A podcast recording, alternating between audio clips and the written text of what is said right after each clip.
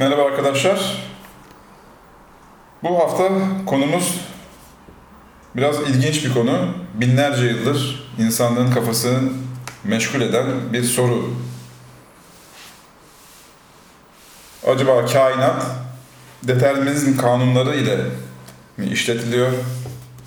Yoksa dışarıdan bir güç, bilinmeyen bir gücün yaşamımızda etkin bir rolü var mı? Bu haftaki konumuzun başlığı emir alemi ve maneviyatın gücü. Araştırmacı yazar Bahattin Sağlam ile beraberiz. Hocam hoş geldiniz. Hoş bulduk. Aslında her iki realite de gerçektir. Öyle mi hocam? Yani kainatta kanunlar var, determinizm var, standart bir yapı var. Bir de dışarıdan zaman zaman bu kanunları yönlendiren emir alemi dediğimiz Bilinmeyen bir güç. bilinmeyen bir güç müdahale ediyor. İnsanlar bir tarafa eğilim gösteriyorlar değil mi hocam? İşte Sanki- tek taraflılık iyi değil yani hiçbir sahada tek taraflılık iyi değil. Nasıl insan sağ ve sol ayaktan oluşuyor, Evet. Sağ ve sol elden oluşuyor. Tek ellilik, tek ayaklılık sakatlıktır. Düşüncede de tek taraflılık sakatlıktır. Biz yasaları, determinizmi inkar etmiyoruz ama dışarıdan bir güç sürekli müdahale ediyor. Yani O da var, o da var. de, deizm, mutlak deizm yok. Hmm. Yasa da var, yasaya müdahale de var. O zaman sürekli olarak e, bizi izleyen ve etkin bilinmeyen bir güç de aynı zamanda devrede diyebilir miyiz? İşte ona biz Allah diyoruz. Evet. Kainatın ruhu, bilinci, yazılımı, Bu sonsuz bir bilinç. aklı, nefsi ne, ne dersen de yani. Kainatta etkin bir güç var. Ona biz Allah diyoruz. Zaten hayat gelişirken, evrim süreci gelişirken hiç kesintisiz gelmesi bunun varlığına işarettir. Yoksa kesilirdi bir yerden. Hmm, kuvvetli bir delil oluyor evet. Evet. O zaman başlıyorum hocam. Bu geçmiş tarihte vermiş olduğunuz bir konferansın dökümü bu. Değil mi? Bu Evet yazıya geçirilmiş Yazıya geçirilmiş şekildedir. Üç, haftada uzun bir konferanstır. Üç haftada okuyacağız bunu. Dinleyicilerimizi sıkmamak için bu hafta birinci, birinci birinci başlıyoruz. bölümü okuyacağız. Emir alemi ve maneviyatın gücü başlığımız bu. Başlıyorum. Bir buçuk sene oldu bu ilmi sohbetlere başlayalı. Toplam 25 sohbet yapıldı, kaydedildi. Dinleyiciler memnun. Bundan dolayı Allah'a binler şükür diyorum. Fakat bu 25 programda biz daima belli bir kalıp içinde kaldık. İspat kalıbına geçemedik. İspat kalıbını geçemedik. Evet. Evet iddialar oldu, ispatlar oldu, deliller geldi. Sürekli o kalıp içinde kaldık. Bir nevi determinizm çerçevesi içinde kaldık. Onun dışına çıkamadık. Bu dar kalıptan canım çok sıkılıyordu. Dedim ki, maneviyat ile ilgili bir program yapsak ve artık kalıplar içinde kalmasak, bu sayede sonsuzluğa doğru bir teneffüs, bir ruhi açılım yapsak diye.'' Kur'an'dan, Risale-i Nur'dan, hadisten, tarihi İslam kültüründen bir kısım notlar aldık. Ve işte bu sohbetin iskeleti. Başlık şu. Emir ve halk kavramı. Yaratma ve yönetme gerçeği. Biz şimdiye kadar ilmi... Diyalektik yapı burada da var. Yani Evet. bir yandan yaratma var, bir bir yandan- yandan yürütme var. Yaratma yasaldır, düzenlidir. Fire vermiyoruz. Fire verse yaratma olmaz. Düzen, düzensiz olur. Yani orada determinizm tam işliyor mu? Determinizm işliyor. Yaratmada işliyor. Hmm. Ama yönetmede zaman dediğimiz işte 14 milyar senedir kainatımız yaratılmış. Kainatımız diyoruz. Belki başka kainatlar da olabilir, Evet. onu bilmiyoruz. Henüz bilim bu konuda bir şey tespit etmiş değildir. Süreç yani değil mi o şey? Zaman kainatımız süreci. 14 milyar senedir var. Bu 14 milyar sene içinde bir yandan yaratma, bir yandan yönetme. Yönetme müdahaledir işte. Maneviyatın gücüdür. Hmm. Yönlendirmedir. Evet hocam. Yani öğrenci kendi kendine çalışır, kendi zekasıyla öğrenir. Fakat öğretmen ara sıra müdahale etmesi lazım. Değil mi? Bravo. İşte öğretmenimiz de Allah'tır. Devam ediyorum. Buyur. Biz şimdiye kadar ilmi çerçeve içinde kaldık. Halk kavramı içinde kaldık. Halk, kelime olarak şekli, kalıbı belli olan nesne demektir. Avama da halk denilmesi, fikir yapıları belli, çıkabildikleri mesafe belli, açılabildikleri saha belli. Dolayısıyla onlara halk denilmiş. Yani avama halk denilmiştir. Emir Adem'i ise sonsuzluk ifade eder maneviyatın ve ilmin sonsuzluğunu, etkinliğini ve derinliğini anlatmak üzere bugün daha çok emir kavramı ve hakikati üzerinde duracağız. Emir kelimesi emirden gelir. Hani yetkili ve amir kişi sonsuz fırsatlara sahiptir, sonsuz açılımlara sahiptir. Derinlemesine sonsuzluğa doğru istediği kadar genişleyebilir. Onun için ona emir demişler yönetici manasında. Kur'an-ı Kerim'de bu kavram başta yönetim, sonra olağanüstü durum, azap, kıyamet, ölüm gibi değişik manalara geliyor. Biz bu manaları incelerken işin esprisini, ortak noktayı bir miktar açmaya çalışacağız. Çünkü bu kavramların hepsinde bu incelik vardır. Ölümde de, kıyamette de, azap manasına gelen yönüyle dahi bu emir hakikatinde maneviyatın etkinliği, sonsuzluğu ve derinliği anlaşılıyor. Mesela emir kavramı Ali İmran suresi 128, 154 ve 159. ayetlerde açıkça yönetim manasına gelmiş. Bir kısım müfessir ve mealciler yönetim manasına geldiğini bilmedikleri için oradaki emir kavramını iş manasında anlamışlar. Ayete bakıyorsun, İş ne demek burada? Hiçbir şey anlaşılmıyor. Halbuki yönetim manası verilseydi bu ayetler net anlaşılmış olurdu. Şuradan hemen bir çağrışım ve çıkarım yapabiliriz. Eğer biz emir aleminde maneviyatın gücünü yakalayabilirsek, maneviyatta etkin olabilirsek, ilimde ve yönetimde emir ve amir olmuş oluruz. Yönetici olmuş oluruz sonsuz imkanlara sahip oluruz, nefes alabiliriz. Yoksa idare edilen mahluk ve memlük olarak halk gibi sürü kültürü içinde kalırız. Kıyamet ve ölüme de emir denmesi bu münasebettendir. Kıyamet, bu daracık dünyanın yıkılması demektir. Burada kalıplar belli. Yaşayabileceğimiz imkanlar belli, çerçeve belli. O çerçevenin dışına çıkamıyoruz. Kıyamet koptu mu yeni aleme çıkıyorsun. Sonsuzluğa açılım oluyor, maneviyatın gücü netleşmiş oluyor. Dolayısıyla Kur'an, kıyamet için Allah'ın emri yakındır. Onu acele istemeyin diyor. Aman kıyamet ne zaman kopacak gibi bir acelecilik yapmayın diyor. Kur'an'da 72 yerde bu emir kavramı geçmiş. Ben hepsini not edemedim. Fakat azap manasına gelen Maide suresi 52. ayet, Araf suresi 8. ve Hud suresi 43. ayetler gibi örnekler verebiliriz. Onun için ölüm de emir kavramı içine girer. Kur'an'da ölümün bir ismi emirdir. Allah'ın emri geldi, ruhları aldı diyor. Çünkü ölüm dünyanın dar çerçevesi dışına çıkmaktır sonsuzluğa açılmaktır. Başka geniş bir aleme çıkmak demektir. Tipik bir kalıp Kur'an'da çok sık zikredilir. Cenab-ı Hak arşa oturmuş, emri yönetiyor mealinde bir ayet var. Çok yerde geçiyor.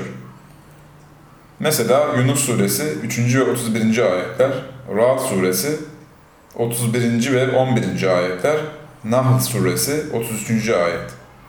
Bu ayetin bir manası şudur. Kainat sınırlıdır, arş sınırlıdır fakat arşı yönetmek sonsuzdur. Bak buradaki münasebet yine öyledir. Allah arşa oturmuş, emrini yönetiyor. Demek burada bir kalıp var. Daima sonluyla sonsuz, dar dünya ile sonsuz dünya, sıkışmış kurallarla kurallar üstü bir hakikat bu ayetlerde görünüyor. Ruh emirdendir. İsra suresi 85. ayette geçiyor. Ruh Allah'ın emrindendir deniliyor. Demek eğer biz emri tam anlarsak ruhun emirden olmasının ne demek olduğu anlaşılır o zaman. Evet ruhta sonsuzluk var. Bedende kalıplar belli. 60 kilo, 100 kilo neyse kalıplarımız belli. Ağırlığımız belli, imkanlarımız belli. Fakat ruhta sonsuzluk var. Ruh emir aleminden geldiği için ruhta sonsuz bir açılım, sonsuz imkanlar elde edilir, açılabilir, yapılabilir. Demek emir alemi çerçevesi belli olmayan, sonsuz bir açılama ve imkana sahip olan alem demektir. Emir alemi kavramı sık geçer tasavvuf kitaplarında. Ruh emir alemindendir deniliyor. Yani ruhta sonsuzluk var, sonsuz imkanlar var, sonsuz açılımlar olur. Kim sonsuzluğu istiyorsa, açılımı istiyorsa, ebediyeti istiyorsa, ruhu bedene tercih etmeli.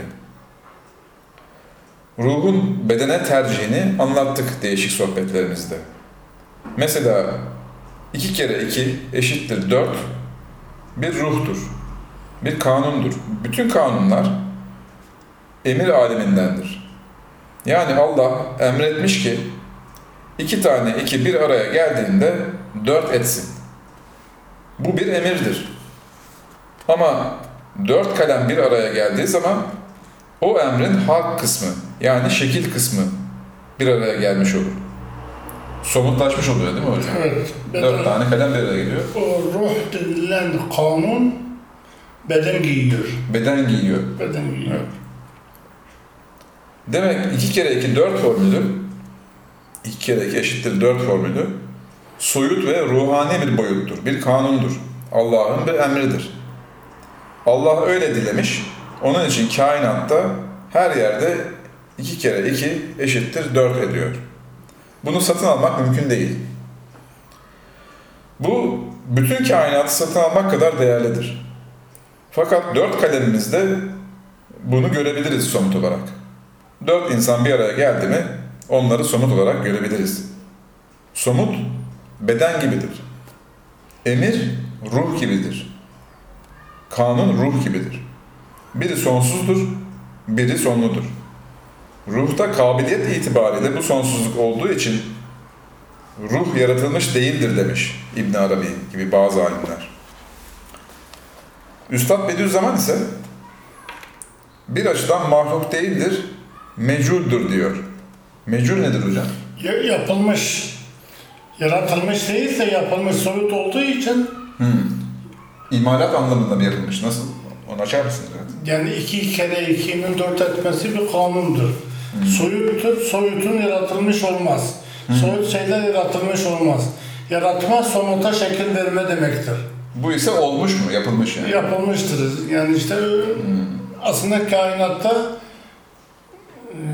gerçek manada iki şeyin tıpatıp iki şeyin benzeri yoktur yani. Her şey biraz farklıdır. Onun için iki kere iki dört eder mi etmez mi tartışılmış. Ama biz burada sayı olarak ele aldığımız için o dört ediyor diyoruz. O zaman burada diyebiliriz ki yaratma fiili yalnızca somutlaşan e, nesneler için geçerli. Yaratma somutlaşan nesneler için geçerlidir. Evet hocam. Bu son, soyut boyutuyla yasa yaratılmış değildir. O yapılmış diyor. Yapılmıştır. Onun için bu bizim bugün konumuz daha çok bu kavrama dayanan keramet, mucize, metafizik dünyanın açılımları olacak. İlk etapta insan irkiliyor. Acaba biz bilim dışına mı çıkıyoruz? Gerçeğin dışına mı çıkıyoruz? Hurafelere mi inanıyoruz? Hayır. Ruh seviyesine çıkmış bir insan, ruhi alemle içli dışlı olmuş bir insan, mucize gösterebilir, keramet gösterebilir, olağanüstü her şeyi yapabilir. Tabi Allah'ın izin verdiği kadar. Nisa suresi 83. ayette şöyle deniliyor. Eğer karışık olan bir konu onlara gelse, Allah'a ve Resulüne danışmak tarzıyla ve onların bilgisine başvurmak tarzıyla ulul emr yani emir yetkisi olan kişiler onu bilir. Bu ulul emr kavramında şimdiye kadar hep siyasi yöneticiler anlaşılmış. Üstad Bediüzzaman onu müştehitler olarak çeviriyor. Çünkü müştehitlerin sonsuzluğa açılmış kafaları var. Bir ruhi yapıları var. Manevi ve engin bir dünyaları vardır. Onlar işin geçmişle, gelecekle ilgili irtibatını kurarlar. Derinlemesine nüfuza sahiptirler. Onlar işlerin özünü ve ruhunu bilirler. Onun için müştehit ancak ulul emrdir. Diğerleri ulul emri olmuyor. Yok. Değil mi? Aslında eskiden siyasileri de müştehitlerden seçiyorlarmış. İşte ilk dört başkanımız, dört halife, Çağrı Gözi hem müştehittirler, Yani iştihat yapabilme kabiliyetine İçtihat sahip. yapabilecek, yani Allah'ın yasalarını tanıyabilecek, yerleştirebilecek, icra edebilecek yetkinlikte ve aynı zamanda siyasi devlet başkanı. Ama şimdi öyle bir kapasiteye bakılmaksızın sanki onlar da öyleymiş gibi mi tanımlanıyor? Siyaset şimdi bir ekonomi idaresinden ibaret sayılıyor. Hı, gittikçe seviye Düşüyor. düşmüş. Biraz sonra Emre'nin şeriatla olan ilgisini anlatacağım. Ruhi alemle içli dışlı olan, ruhi fonksiyonları olan, ilimde rasih olmuş, kök salmış insanlar ancak içtihat edebilir. Böyle olmayanlar içtihat yapamaz. Yapsa da yüzeysel kalır. Gerçeği göstermez. Neml suresi 33. ayette yetki manasında gelmiş bu emir kavramı. Ruh manasına Secde suresi 5. ayette, Talak suresi 12. ayette ve Casiye suresi 18. ayette gelir. Mesela Cenab-ı Hak Talak suresi 12. ayette Allah odur ki yedi kat göğü ve yerden de bir o kadarını yaratandır. Allah'ın emri, yani Cebrail vahiy getirerek, onların arasında iner, çıkar. Ki Allah'ın her şeye güç yetirdiğini ve Allah'ın her şeyi ilmiyle kuşattığını bilesiniz diye buyuruyor. Yer ve gökler sınırlı, sabit bir kalıp. Fakat aralarındaki emirlerin işlevleri, gidiş gelişleri, inişi çıkışı sonsuz. Sürekli bir faaliyet, etkinlik ve sonsuzluk. Şeriatte de emir denilir. Hani bazılarına göre gericilik sayılır şeriat. Çünkü şeriat deyince örtü, çarşaf, cami, minare, orta çağın kültürü gibi şeyler anlaşılır. Fakat Kur'an şeriat kavramını emirden bir şeriat olarak çeviriyor, tarif ediyor. Yani İslam şeriatında sonsuzluk var, ruhanilik var, metafizik boyut var. Dolayısıyla şeriat hiçbir zaman gericilik olmaz. Şeriattan anlaşılan bu değil mi hocam? Şeyde toplumda genelde kara çarşaf falan böyle bu tür. Yani yasalar iki çeşittir. Aslı bir, bir Gedeoğlu yasalar var.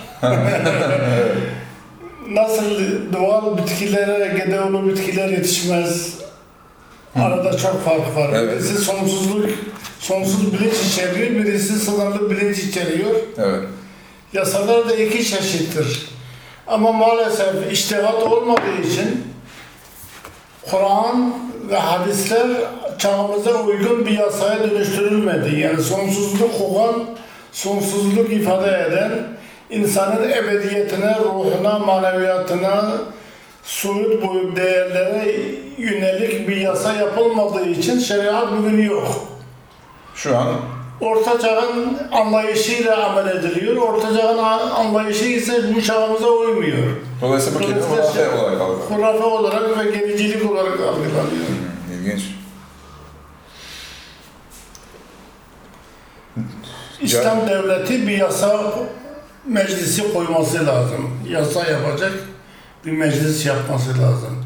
Şimdiki meclisimiz sadece dünyevi işlerde yasa yapıyor. Halbuki İslam'da din, dünya ayrımı yok. Değil mi? O genel Yok, olarak kapsayabilmesi gerekiyor. İslam'da layıklık yok maalesef. Evet hocam. Câsiye suresi 18. ayette seni emir aleminden bir şeriat üzere kıldık deniliyor. İslam şeriatı ruhani alemle içli dışlı olduğu ve kutsallık boyutu olduğu için burada kilit kelime kutsallık boyutu değil mi hocam? Kutsallık ve insanın ebediyetine, geçmiş ve geleceğine bakabilecek bir yasa. Evet. Yalnızca dünyaya değil. Soyut değerlere bakacak, somut şekillere değil. Evet hocam. İslam şeriatı ruhani alemle içli dışlı olduğu ve kutsallık boyutu olduğu için sonsuzluk ifade eden emir aleminden geldiği için İslam şeriatı hiçbir zaman eskimez. Eskiyen sadece şekillerdir, formlardır. Yani halk kavramıdır. Onlar iştihatla, zamanla değişebilir. Fakat bu şeriatın ruhu, ilkesi, temel prensipleri asla değişmez. Çünkü onlar emir aleminden, sonsuzluk aleminden, vahiy alemindendirler. Kur'an'da Şura suresi 52. ayette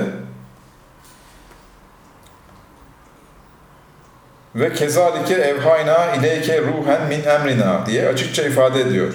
Buradaki ruh vahiy manasında.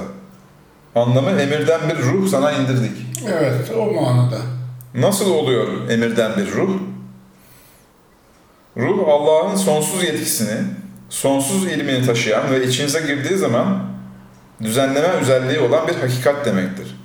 Bu iyi bir tanım olmuş değil mi hocam? Evet, o düzenleyici yazılımdır. Yani insanın içine girdiği zaman düzenleme özelliği olan bir Düzenleme hakikat. özelliği olan bir yazılımdır. Vahiy bir ruhtur aynı zamanda. Evet. Girdiği aileye düzen verir, girdiği topluma düzen, düzen verir. Girdiği kalbe düzen verir. Sıkıntı kalmaz, problem kalmaz, anarşizm kalmaz. Bu çok müthiş bir ayettir. Vahye ruh ismini veriyor. Ruh, emir alemindendir diyor. Demek sınırlı bir espri ve sınırlı bir ilham, ilham değil bu vahiy. Sonsuz emir aleminden gelmiş. Demek İslam dini sonsuzluk ifade ediyor. Allah'ın sonsuz yetkisini ifade ediyor. Onun için eskimez ve her zaman canlıdır, verimlidir. Biyolojik hayat da öyledir. O da ruh gibi emir aleminden gelmiştir. Burada bir soru var hocam. Şeriat emir aleminden dediniz. Burada Kur'an'ın lafzının peygambere, manasının Allah'a ait olması gibi, şeriatın da o usulü bilgilerinin Allah'a ait olması emir aleminden olduğunu gösteriyor. Fakat bazı kurallarını, çünkü evrensel ama yine özel toplumlara hitap eden ve insanlara hitap eden şekilde geldiği için e, bir manada somutlaşmış olmuyor mu? O manada şeriatın ruhu emir aleminden ama bazı ilkelerin yansıması halk aleminden olabilir mi? Bu sorunun cevabını okuyorum şimdi. Şimdi bir örnek gösterelim. Bak Pakistanlılar ayrı örtünür, Araplar ayrı örtünür, Türkler ayrı örtünür. Ama hepsinde namusu muhafaza, kadını koruma manası var. Burada şekil çok önemli değil. Kimisi camiyi dört köşe yapar, kimisi yuvarlak yapar, kimisi üçgen yapar. Bu Musevilerde, Katoliklerde falan da var değil mi hocam bu örtünme gerçi? Yani sadece İslam dinine mi hasır Yok. bir şey? Yani kadın cazibesi diye bir realite söz konusudur. Evet. Ve bu cazibe erkeklerin saldırısına uğramasın diye, toplumda dejenere edilmesin diye, aile düzeni kıskançlıklarla bozulmasın diye bu örtü bütün dinlerde var. Yani ta Evet. Sümerlerden beri var. Eski dinlerde bile var. Yani binlerce yıllık bir realiteden Bir bahsediyoruz. realitedir yani şey ama şekli şemali değişebilir. Ölçüsü değişebilir. Onu da ben sen değil de müştehitler ayarlayabilir. Meclis kurulmalı, dini bir meclis kurulmalı. Evet. alimlerden, bilim insanlarından seçilmiş bir dini şura kurulmalı, o karar vermeli. Evet hocam. Dolayısıyla Üstad Bediüzzaman devlet için iki meclis. Bir siyasi meclis, bir Hı. dini meclis. Olsun diyor. İkisi de meclis demek yasa yapsın diyor.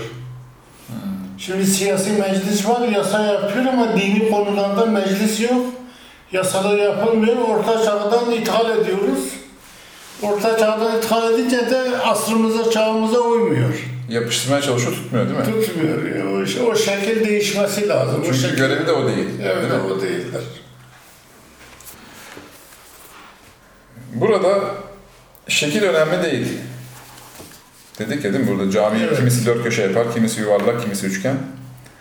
Burada şekil önemli değil. Yani hepsinde ibadet manası, ruhani açılım varsa bu emir aleminden bir şeriat demektir. Onun için şeriat eskimez diyor e, Bediüzzaman muhtelif risalelerinde. Evet, din ve dinin kutsal hukuku emir alemini içeriyor. Emir alemi sonsuz yetki ve açılım demektir. Sonsuz boyutları taşıyor. Dolayısıyla şeriat daima geçerlidir. Yani bin sene önceki güller, şimdiki güllerden kötü değillerdi. Gül güldür. Hatta daha iyi değil mi hocam? O zamanki güller kokuyordu. Şimdikiler kokmuyor. İlaç bozdu kokusunu. Sadece görüntü var yani. Hı. Sadece mevsimine göre, iklimine göre şekil değiştirir. Gülün kalitesi ise her zaman aynıdır. Kur'an Fusilet suresi 12. ayette, Talak suresi 12. ayette semavattan bahsediyor. Hani 12 aya işaret ediyor ya. Bu semavat bahsi genelde hem Talak suresinde hem de Fusilet suresi 12. ayette geçmiş her göğe emrini Allah vahyediyor deniliyor. Burada Allah'ın önemli bir yaratma biçimi anlatılıyor. Şöyle ki, her sema bir alemdir. İnsan da bir alemdir. Onun göğü beynidir. Dünyanın göğü atmosferdir. Galaksinin göğü belki başka bir alemdir. Daima Allah bu iki kavramı üst üste getirir. Altta şekli belli olmuş bir alem, Üstte sonsuzluk ifade eden yuvarlağımsı bir beyin veya bir atmosfer veya bir semavat. Allah her alemi onun semasından yönetiyor. Allah vahiy ediyor, o alemleri yönetiyor, onları düzenliyor. Yani üstte bir yönetici sürekli var değil mi hocam? Yani e, varlık dosyalardır. Her dosyanın bir yönetim merkezi vardır. Komut, Komutan merkezi. komuta merkezi vardır. Dosyada tıklayacak bir komuta merkezi vardır. Evet hocam. Bizim komutlar beynimizden gelir. Dünyanınki atmosferden gelir. Galaksimizinki ise işte belki başka bir alemden gelir. Yani mutlaka bir yerden komut geliyor. Evet, dünyanın... Yazı, çünkü yazılımdır. Yazılım komutlarla çalışır. Yani atmosfer tarafından çepeçevre kuşatılmış olmak da zaten. Değil Yani mi? atmosfer deyip de geçmemek lazım. Yağmur var, hava var, Bütün iletişim oradan ilerliyor. radyoaktif maddelerin süzülmesi var. Yani saysan saysan bitmez vazifesi. Evet hocam. Emrin karşıt kavramı sünnetullah'tır. Bu ise değişmeyen yasalar demektir. Kur'an'da peygambere dahi sen Allah'ın sünnetini değiştiremezsin deniliyor. Ama peygamber mucizeler göstermiş. Allah'ın tabi kanunları demek olan sünnetini değiştirmiş. Bunu nasıl anlayacağız? Eğer mahlukat seviyesindeysen değiştiremezsin. Ama emir alemiyle temasa geçmişsen, ulul emir olmuşsan değiştirmeye yetkin oluyor, değiştirebiliyorsun. Peygamber beşer olarak, insan olarak Allah'ın tabi kanunlarını değiştiremez. Fakat ulul emir yetkisiyle, peygamber kişiliğiyle değiştirebilmiş. Bu çok önemlidir. Yukarıda ulul emr içtihat edebilir dedik ya. Yani biz mahlukat olduğumuz itibariyle Allah'ın yer çekimini hiçbir zaman değiştiremeyiz. Fakat veli olursak o sonsuz alemle temasa geçebilirsek, emir kavramından bize de bir nasip gelmiş olursa, o zaman biz hiçbir zaman sıkışmayız. İstediğimiz zaman, eğer Allah izin verirse, mevcut şartların üstüne çıkarız. Yani böyle bir imkan var. Emrin zıttı sünnetullah'tır dedik. Sünnetullah bir alttaki insanlar tarafından değiştirilemez. Fakat emir hakikatiyle ve emir alemiyle temasa geçmiş insanlar sünnetullahı değiştirme yetkisine sahiptir. Sünnetullah'tan biz bu determinist kanunları anlayacağız değil mi hocam? Bunlar? Allah'ın yasaları. Değil mi? Sünnetullah Allah'ın çığırı demek. Kelime olarak Allah'ın açtığı çığır. O çığır değişmiyor. Yani sünnetten bu fende sünnetçiyi anlamasın. Ee, O da bir yasa. Ha, o O bölümü. insan hayvan yasası. O bizim çocukların sünnet edilmesi. Artık ben hayvan değilim. Ben insanım. Ben Allah'a söz veriyorum. insan olacağım, inanacağım diye. O da bir yasa. Yasa manasında. Evet yani sonuçta şimdi Sünnet yasa demek. Sıkıştırmamak lazım evet. Çünkü onlar yani emir alemiyle temasa geçmiş insanlar kendi namına yapmazlar. Emir sahibi olan Allah namına o işi yaparlar. Vahiy ve Medeniyet isminde bir kitabımız var. Orada Ra'd suresinin tefsirinde kainatta ne kadar mucize, ne kadar sünnetullah dengeli bir şekilde anlatılmış Kur'an tefsiri içinde. Yani bu nazarla sureyi okursanız baştan sona kadar kainatta işler yarı yarıya sünnetullah çerçevesi içinde yarı yarıya da mucize tarzında olduğunu görürsünüz. Yani Cenab-ı Hak adildir. Her şey dengeliyor. Bir el sağ, bir el sol. Bir işi mucizeli, bir işi sünnetullah. Yani kanun çerçevesi içinde. Fakat bir açıdan, bak açıdan bakarsanız o mucizevi işlerin de kendine göre bir kanunu var.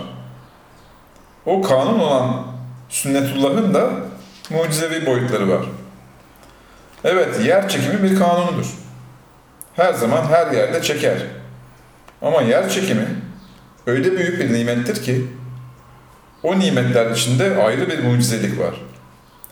Cenab-ı Hak her şeyde işi dengeliyor. Mesela sağ elimiz kesilse yemek yiyemiyoruz, yazı yazamıyoruz. Beyin hemen bir keramet gösteriyor. Sol ele yeni yetkileri ve yeni imkanları veriyor. Dolayısıyla sol elde yemeye başlıyorsun, sol elde yazmaya başlıyorsun. Bu çok ilginçti değil mi hocam? Evet. Bu- Alternatifli bir tabiat var. ve insan sanki onu normalmiş gibi karşılıyor. Aslında tamamen mucize yani. Yazılım işte. Yazılım sağa göre idi, şimdi sola göre ayrılanıyor. İlginç, evet. Yazılım. Sol elini sağ elinden daha fonksiyonel bir halde kullanma imkanına sahip olabiliyorsun. Çünkü sağda sol var, yani içerik olarak değil mi? Solda sağ var. Her kadın biraz erkektir. Her erkek biraz dişidir, doğurgandır. Yani kainatta bu şekilde zıtlar var, kavramlar var, dualite var. Demek bu taraf yüzde yüz bu şekildedir. Öteki taraf yüzde yüz şu şekildedir diyemiyoruz. Her işin içinde o yüzde elli elli oranlar genel olarak muhafaza ediliyor. Mesela beyinle ilgili tipik bir örnek. Her hücremiz bir beyin gibidir. Vücudumuz halk, kalıbı belli, şekli bellidir, mahlukattır, yaratılmıştır. Fakat beynimiz yuvarlak ve işlevi soyut olduğu için beynin çalışması emir alemindendir. Yani neyin ne zaman hatırına geleceği, hafızayı koruyup koruyamayacağı, bilgi sahibi olup olamayacağı tamamıyla Allah'ın elinde. Beyinde kurallar tam belli değil. Beyin yuvarlaktır. Beynin çalışması emir alemine ait olduğundan kuralları tam belli değildir. Onun için mesela sinir hastaları emir alemiyle temas ettiklerinde dualarla, türbelerle, veliler tarafından okunmakla iyileşebiliyor. Ama mesela kanserde bir durum iyileşmiyor. Çünkü kanser emir alemiyle ilgili değil. O daha çok şekli şemaili belli bir hastalıktır. Maddi bir özelliktir. Bu mesela Alzheimer falan oluyor. Evet. beyinle alakalı değil mi? Burada ufak tefek öneriler haricinde bir şey iyileşme Hep- olmuyor artık. Yok, o yazılım bozuluyor. Değil mi? O emir alemi kısmı bozuluyor. Evet hocam. Gerçi burada da bir emir boyutu var. Bu kansere ilişkin değil mi? Evet. Mesela Hazreti Peygamber öyle hastalara dua etmiş ki onlar maddeten de hastaymışlar, iyileşmişler. Çünkü Hazreti Peygamber Aleyhisselatü Vesselam'ın emir alemi olan, emir alemiyle olan teması çok yüksek. Yani o maddeye de şekli belli olan aleme de tamamıyla hakimdi. Fakat ölçüleri biz burada tam belirleyemiyoruz. Onun için ölçüler koymadım, koymayalım ki biraz rahat nefes alalım. Biz de o emir alemine doğru engin bir seyahat yapabilelim. Bugünkü dersimizin de amacı yerine gelmiş olsun. Bak dünyanın şekli şemali belli. Fakat atmosferin şekli şemali belli değil. Nerede ne zaman fırtına esecek? Nasıl yön değiştirecek? Nerede yağmur yağacak? Ancak Allah biliyor. O yönlendiriyor. Dolayısıyla Kur'an yeryüzünde olan işler sünnetullah tarafından oluyor diyor.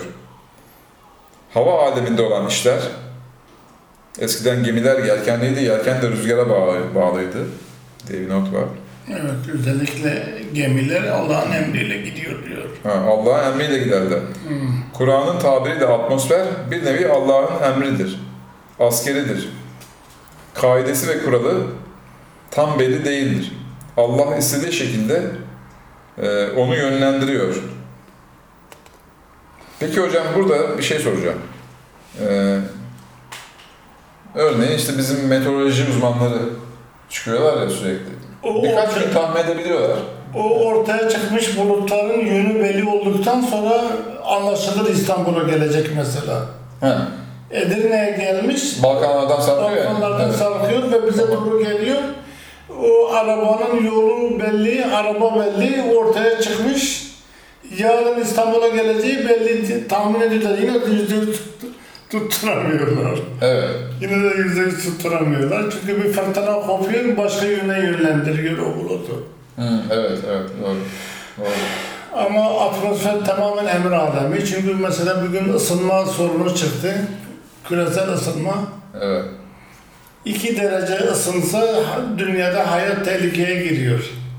O derece hassas E, şimdi oranlar değil mi? O derece emir alemiyle, yönetim alemiyle ilgili yani. Evet hocam.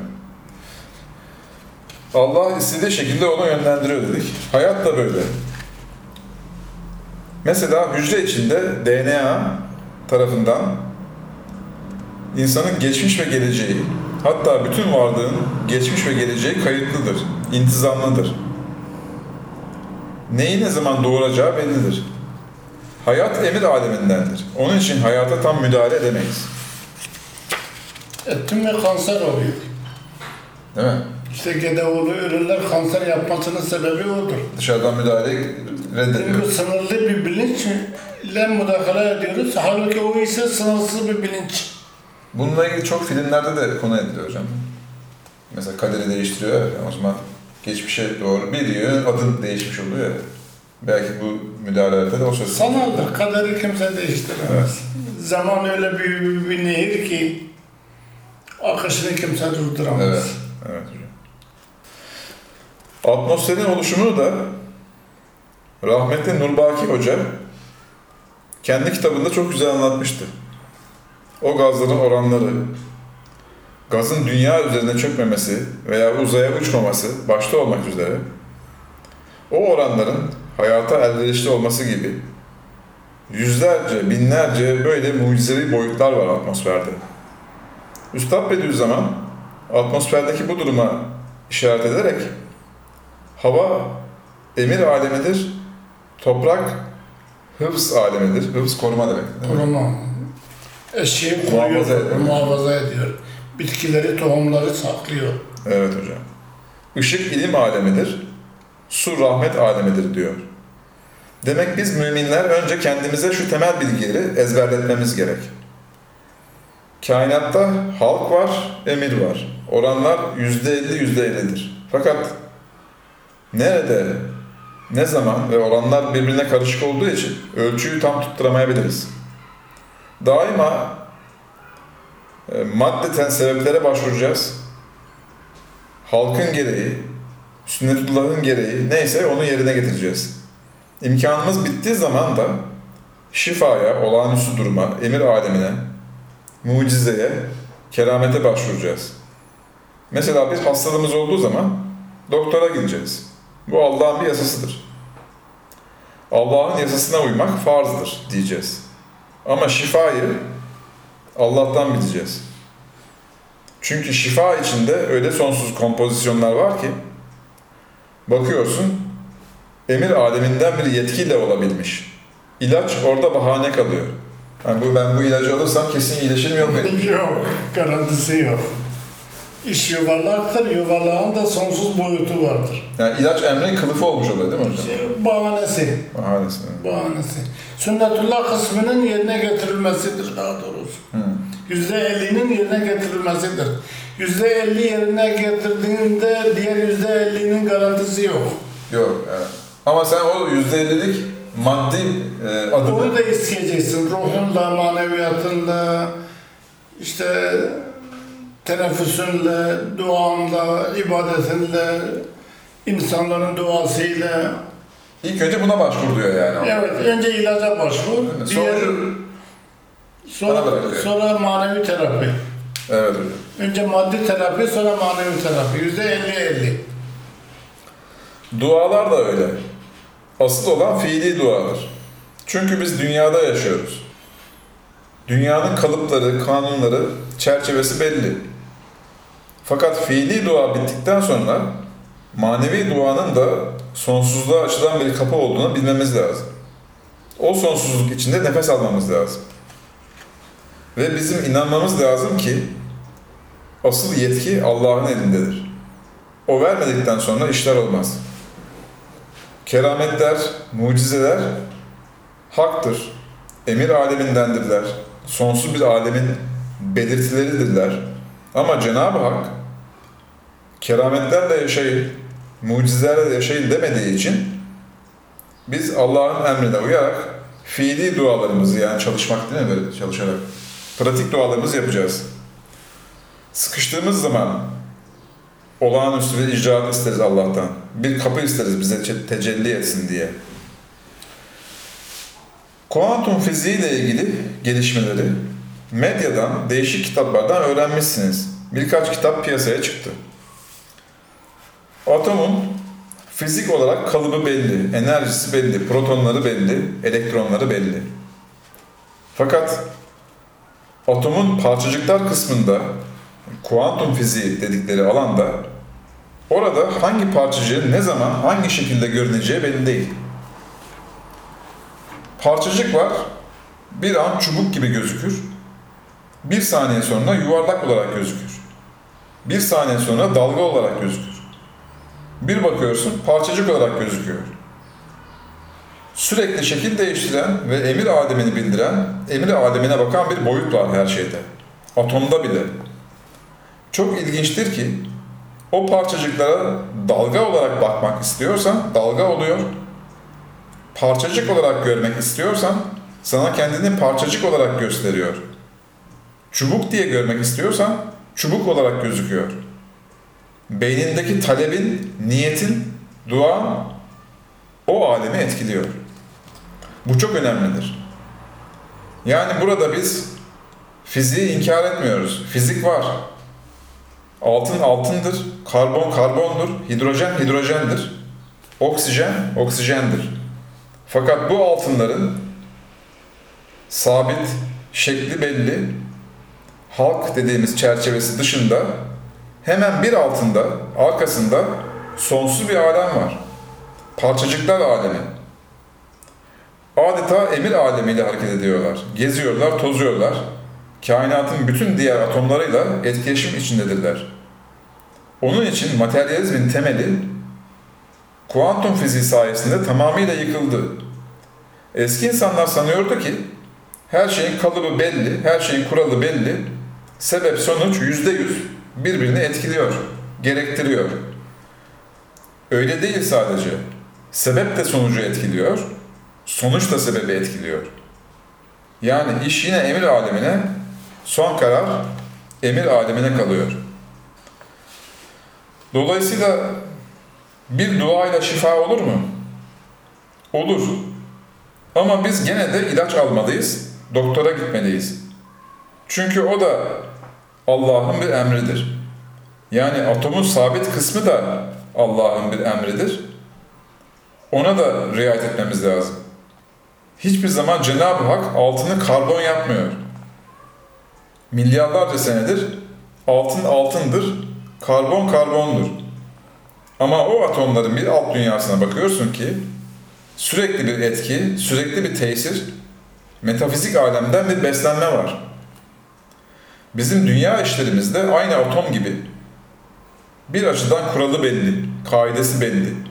Kim alacak, kim verecek, kimin rızkı dar, kimin rızkı bol, hepsinin kalıpları belli. Fakat bu kalıplar bellidir diye hepten kendimizi mahpus görüp hiç nefes almayacak değiliz. Sonsuz bir alem var önümüzde. Bir emir alemi var.